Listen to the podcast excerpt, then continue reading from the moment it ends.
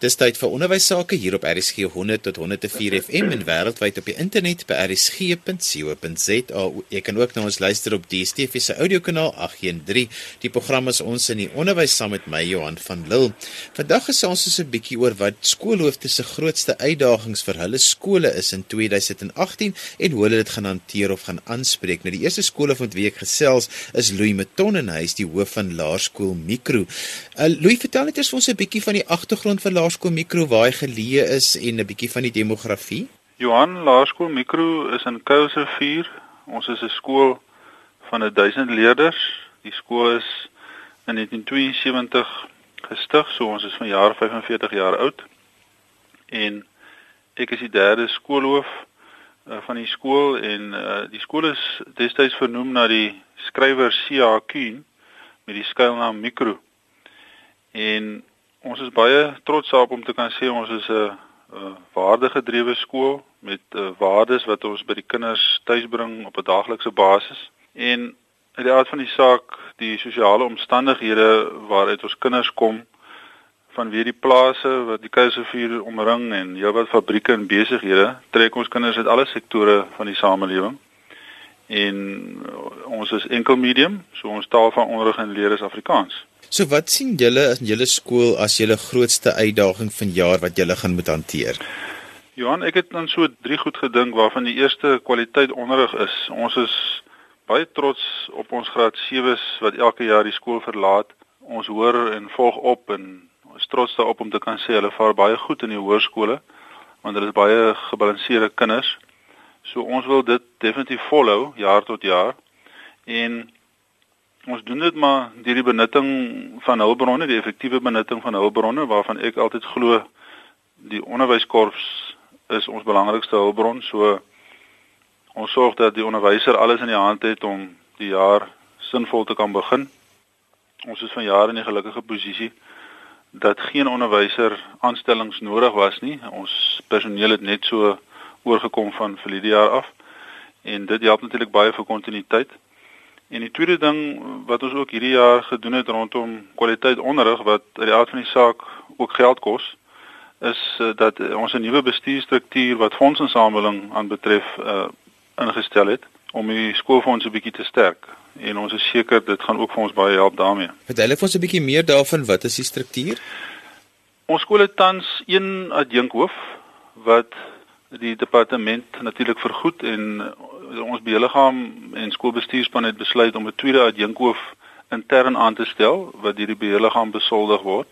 En die persoon word die portefeulje van fondsinsameling en finansies en begroting gegee en sy gaan uh, 'n groot deel doen om daardie afdeling in ons skool so 'n bietjie uit te bou uh, te fokus op fondsinsamelings en om dit 'n bietjie vaartbelyn te maak. En as julle nou so iets oorweeg, is dit 'n administratiewe proses met die onderwysdepartement of het julle intern die uh, mandaat om so iets te kan doen? Nee, ons het uitsluitlik die beheerliggaam se goedkeuring nodig. So ek as skoolhoof het dit deur die kanale van die beheerliggaam geneem en gemotiveer en die aard van die saak is daarvoor begroot vir die nuwe jaar. En dan doen ons enkele interne skuwe om so 'n persoon bietjie losser te maak aan die klas en wat dan vir die persoon lekker geleentheid gee om te fokus op die nuwe rol van haar. En jou derde uitdaging wat jy gesê het? Die ander belangrike ding wat hierdie jaar gebeur is die verkiesing van 'n nuwe beheerliggaam en dit bly elke 3 jaar 'n baie belangrike aspek van uh, skoolbestuur om seker te maak dit verloop vlot so hoe om dit reg te kry is die eerste ding vir my om seker te maak alle prosesse en prosedures is in plek want dit moet nou gedurende maart maand gebeur. En die tweede ding is ouers moet ingelig word van die belangrikheid van die rol van 'n beheerliggaam en van die verskillende portefeuilles en wat elkeen se spesifieke rol is. Want wanneer hulle kom stem in maart maand moet hulle 'n ingeligte besluit kan neem. So ons wil sommer vroeg al hierdie kwartaal daardie inligting begin kommunikeer met die ouers. Louis, die hele proses van 'n beheerliggaam kies, ehm um, is is mense baie bereidwillig om op die beheerliggaam te dien of sukkel julle nogal om nominasies te kry en dan ook om ouers sover te kry om te stem? Dit bly 'n uitdaging Johan, die die werk van 'n beheerliggaam verg baie tyd, verg baie ure van mense en en ouers is geneig om om dit te sy stap Maar 'n mens moet proaktief wees rondom dit. Ons het reeds op die huidige beheerliggaam mense gekoopteer om mense bewus te maak van wat aangaan op die beheerliggaam om hulle bietjie touwys te maak. Dit is natuurlik nie noodwendig dat daardie persone verkies gaan word nie want daar is 'n formele verkiesingsproses. Maar ten minste is daar dan mense wat eh, 'n uh, moontlikheid van kontinuïteit moontlik maak. En en en 'n mens moet maar uh, deurlopend mense nader om te sê weet jy dit is regtig wat 'n beheerliggaam doen. Ek dink mense het baie keer 'n wanpersepsie. En dit is altyd interessant om te sien wanneer nuwe mense op 'n beheerliggaam kom en hulle sien waaroor dit gaan en hoe belangrik die besluite is wat daar geneem word en dat dit 'n invloed het op elke kind, dan sien hulle uh, hulle rol baie duideliker en hulle verstaan dit baie beter. Nou jy as skoolhoof, jy moet nou basies neutraal wees. Jy mag seker nie regtig mense beïnvloed om op die beheerliggaam te wees nie, maar jy het tog spesifieke behoeftes van 'n sekere tipe beheerliggaam lid wat jy nodig het om jou skool net se ratte ja. glad te laat loop. Hoe hoe kry mense daardie balans? Ek dink die huidige beheerliggaam speel ook hier 'n belangrike rol. Mense wat daarom nou 'n termyn of selfs twee aankom, het tog ook 'n invloed daar buite onder ouers. So dit bly ook 'n belangrike rol van hulle om weet om na mense toe te gaan om om met my ook te kommunikeer. Ek doen dit met hulle. En ons identifiseer persone in die ouer gemeenskap wat ons moontlik sien as moontlike kandidaate. En uh, gesprekvoering vind plaas. Die aard van die saak soos jy genoem het, uh, mag ek dit nie doen nie maar ouers onder mekaar kan met mekaar gesels, mekaar 'n bietjie touwys maak en en 'n bietjie ehm uh, idees uitruil en, en en sê luister maar dit is waaroor dit reg gaan. Stel jouself beskikbaar en en op so 'n manier kry 'n ou daarom genoegsame kundigheid wat wat baie belangrik is. Nou julle beheerliggaam met baie spesifieke portefeuilles wat julle gebruik vir julle ja. omdat julle X-model C skool is, julle 'n julle 'n skoolfonds wat wat wat redelik onder druk is en wat 'n mens baie goed moet bestuur. Ja. So, hoe lei julle dan die beheerliggaam ook op om hierdie verantwoordelikheid te aanvaar? Jy weet want dit is die verkiesing aan die een kant is 'n ja. kom mense mos nou met baie ideale daaraan, maar die uitdaging vir jou as skoolhoof is om dan nou dit binne 'n struktuur wat al reeds funksioneer amper ja. sê te temper. Ja, ons is 'n lidskool van FETSAS, die Federasie van Skoolbeheerliggame en FETSAS het jaarlikse of drie jaarlikse dan nou opleidingsgeleenthede wat hulle hou dwars oor die land vir beheerliggame en ons skryf dan in vir hierdie opleidingsgeleenthede. Dit bied weer 'n ander perspektief vir die ouers wat dan nou verkies word.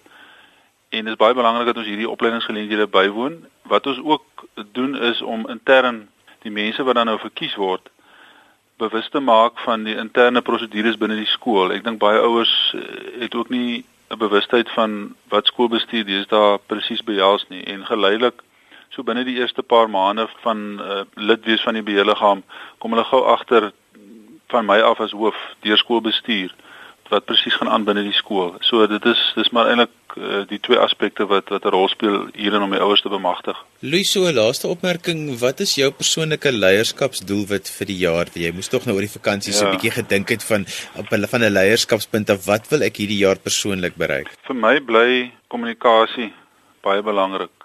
En daarom het ek ook 'n oop deur beleid vir ouers en vir personeel. So mense weet hulle kan enige tyd by my instap ongeag of hulle afspraak het of nie. En dit bly my fokus om oop en deursigtig te wees in terme van besluitneming en ek wil dit ook verder uitbou. En verder wil ek vir mense geleentheid gee om te groei en dit sluit in personeel en kinders.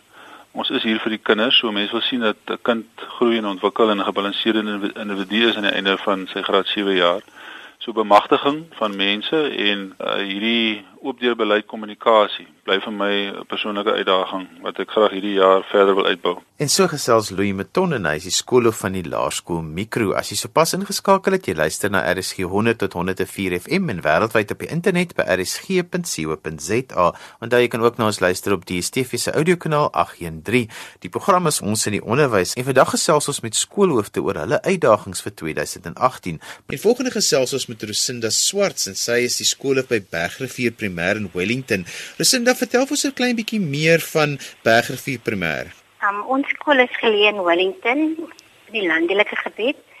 Huidig het ons 107 leerders wat strek vanaf graad R tot graad 6. Vertel 'n bietjie vir ons van die gemeenskap waarin jou skool is. Um, ons het so uh, agt plase wie se kinders by ons skool gaan en almal van hulle loop daagliks skool toe. Nou vertel 'n bietjie vir my van wat gaan julle groot uitdagings vir die jaar wees en hoe wat het julle beplan om dit hoe julle dit gaan hanteer? Ja, ons het twee groot uitdagings wat vir ons voorlê. Die eerste een is ons skool is nog gaan nie tot graad 6.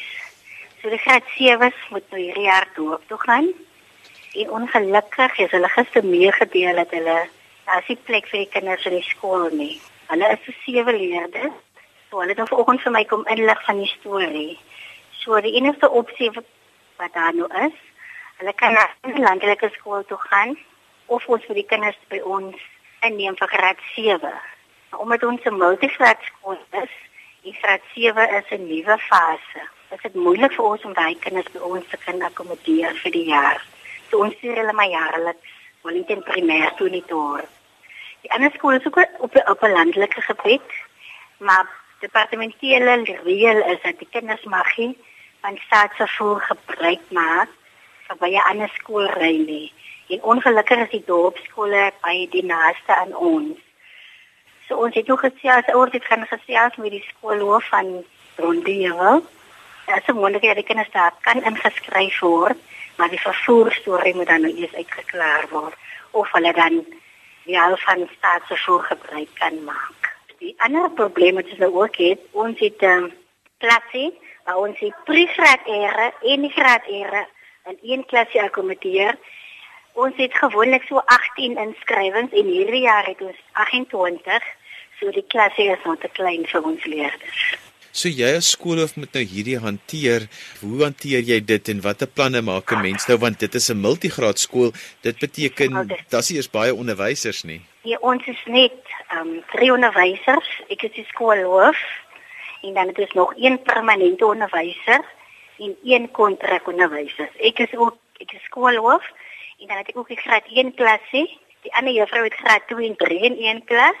En die ander juffrou het graad 4, 5 en 6 in een klas. So dis dit sal baie moeilik wees om ook graad 7 in haar klasie kan te akkommodeer. Kwaliteit onderrig sal dan ook glad nie kan plaasvind nie, want jy moet oor 'n fase werk. Sjoe, maar net om om om dan nou soveel grade in een klas te hê, jy moet nogal weet wat jy doen. Ja, nee, ek is nou al 23 jaar op die multigraad skool hou. So vir my is dit nie 'n probleem. Ek ken al die storie, weet hoe om klas te organiseer en so aan. Die die nuwe juffrou, sy graad 2 en 3, so ons sal vir haar ook aan die hand moet vat.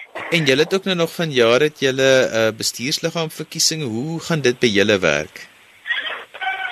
Ja, ons uh, verkiesing sal plaasvind in Maart maand. So ons ons stuur vroegtydig vir die ouers kennis uit van die vergadering en vra dat alle ouers die vergadering moet bywoon en en ouers moet nomineer vir die vir die beheerliggaam. So vir jou net persoonlik, wat is jou persoonlike leierskapsdoelwit vir hierdie jaar? Wat wil jy op 'n persoonlike vlak as skoolhoof bereik?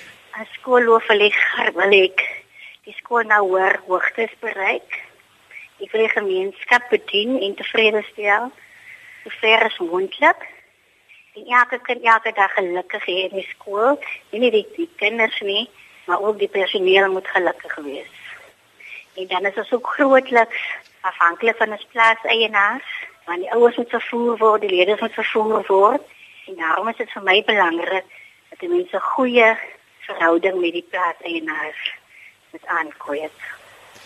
En so gesels Rosinda Swarts en sy is skoolhoof by Bergrivier Primêr op Wellington wat een van die multigraad skole is wat beteken dat daar is 'n klompie grade in dieselfde klas. Rosinda baie dankie, dit was lekker om met jou te gesels. Baie dankie. Volgende gesels ek met Chris Bam en hy is skoolhoof by Dalwyde Primêr in die Parel. Chris, vertel ons 'n bietjie meer van jou skool.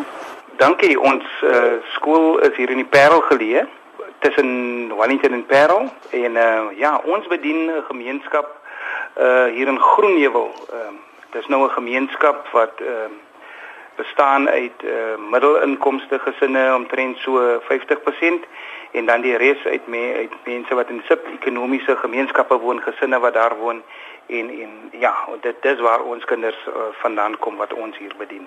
En hoe groot is die skool? Ja, die skool is taamlik groot. Ons het 1300 leerders uh, by die skool. Dit is van graad R tot graad 7 en daar is so vier klasse uh, van elke graad. So as jy nou jou somme maak, dan sou jy so gemiddeld uh, 40 leerders uh, tussen graad uh, 2 en graad 7 uh, per klas hê en dan so 'n bietjie laer in die graad R wat 30 is en 38 uh, gemiddeld in graad 1. Nou Chris, wat is die uitdagings wat vir julle voorlê vanjaar en hoe gaan julle dit hanteer? Ja, ons uh, skool is 'n kwintiel 2 skool. Ehm um, en as jy nou ons uitslaa uh, hier van ons sistemiese toetse vergelyk met ander soortgelyke skole, vaar ons uh, heel wat beter as uh, soortgelyke skole.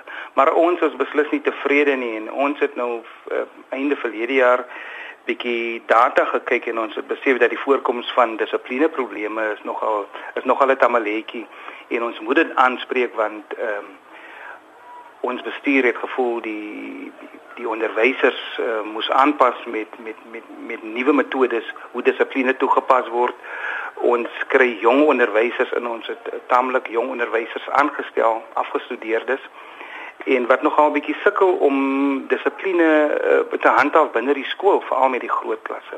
Vertel net gou wat jy bedoel met dissipline probleme en die handhaaf van dissipline? Ja, goed.